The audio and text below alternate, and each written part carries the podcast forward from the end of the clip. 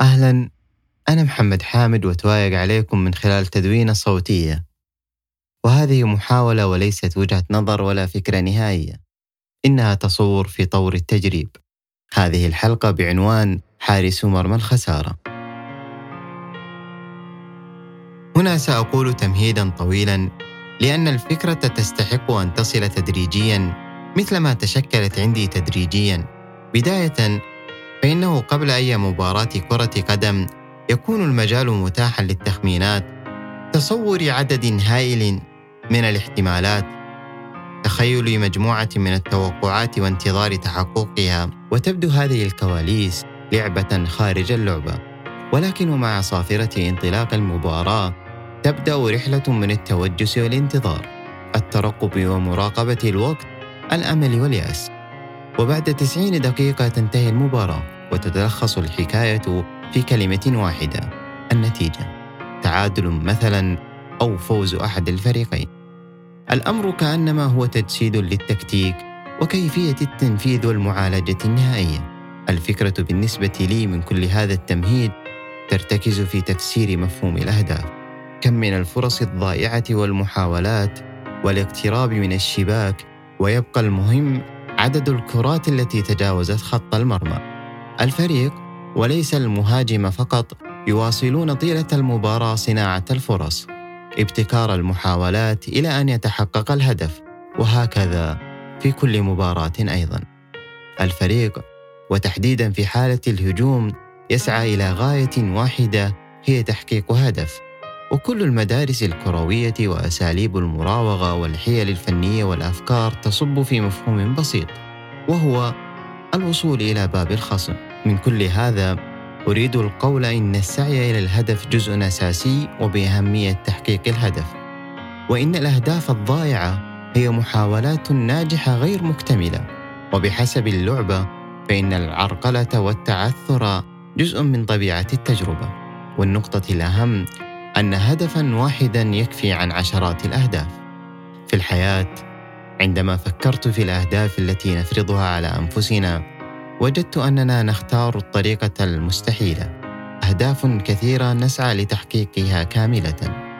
لا نتسامح مع كل محاولاتنا ونصفعها بالفشل. لا نتغاضى عن أي عثرة ونعد ذلك خسارة.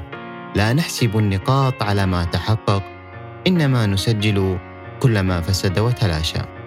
عند وضع الأهداف يجب أن نقلص عددها أن نعرف تماما أنه ليس ممكنا تحققها جميعها وأنه يكفي تحقق بعضها. وبصراحة وصرامة يكفي في كل مرحلة تحقق هدف واحد فقط. لأن الجانب المظلم للأهداف أنها تسرق بساطة وعظمة التجريب. سلاسة التنقل ومرونة التوقف لصناعة أهداف جديدة وتعزز من قيمة أن تكون الهداف رقم واحد في لعبة ليس فيها منافس. لكن المهم حقا معرفة أننا نخوض معاركنا مع عقبات قابلة للتخطي. نواجه ظروفا يمكن توظيفها واستغلالها لتكون في صفنا. ننطلق من نوايا نبيلة ونصل من خلال أساليب لا نخجل من التصريح بها. نملك سعة في الوقت وفريقنا كل الذين حاولوا وتعثروا ووصلوا. إننا نحقق الكثير بمجرد أن نستمر في اليقين بأننا سنصل ما دمنا نتحدى الإحباط ولأنه ما يمنعنا من الإحساس بالخسارة ويهبنا معنى وجودنا أننا كنا وما زلنا نؤمن بأنفسنا. نعول علينا ونحفزنا. وحينها لن يتوقف كل شيء عن مساعدتنا وإلهامنا. مجددا الأهداف الضائعة هي محاولات لم تنجح بالكامل ولكنها التدريب الضروري والمثابرة الثمينة. السلوك الفطري لمقاومة الجمود والتوقف.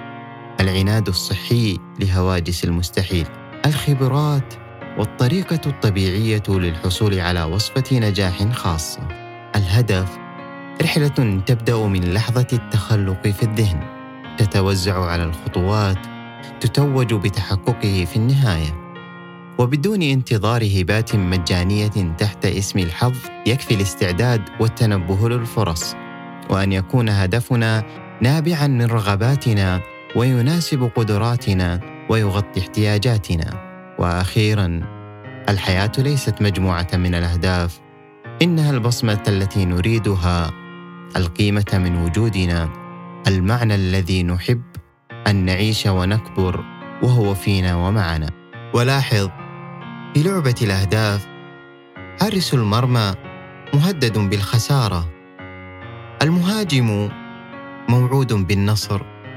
هذا محمد حامد وهذا بودكاست أتوايق كونوا طيبين.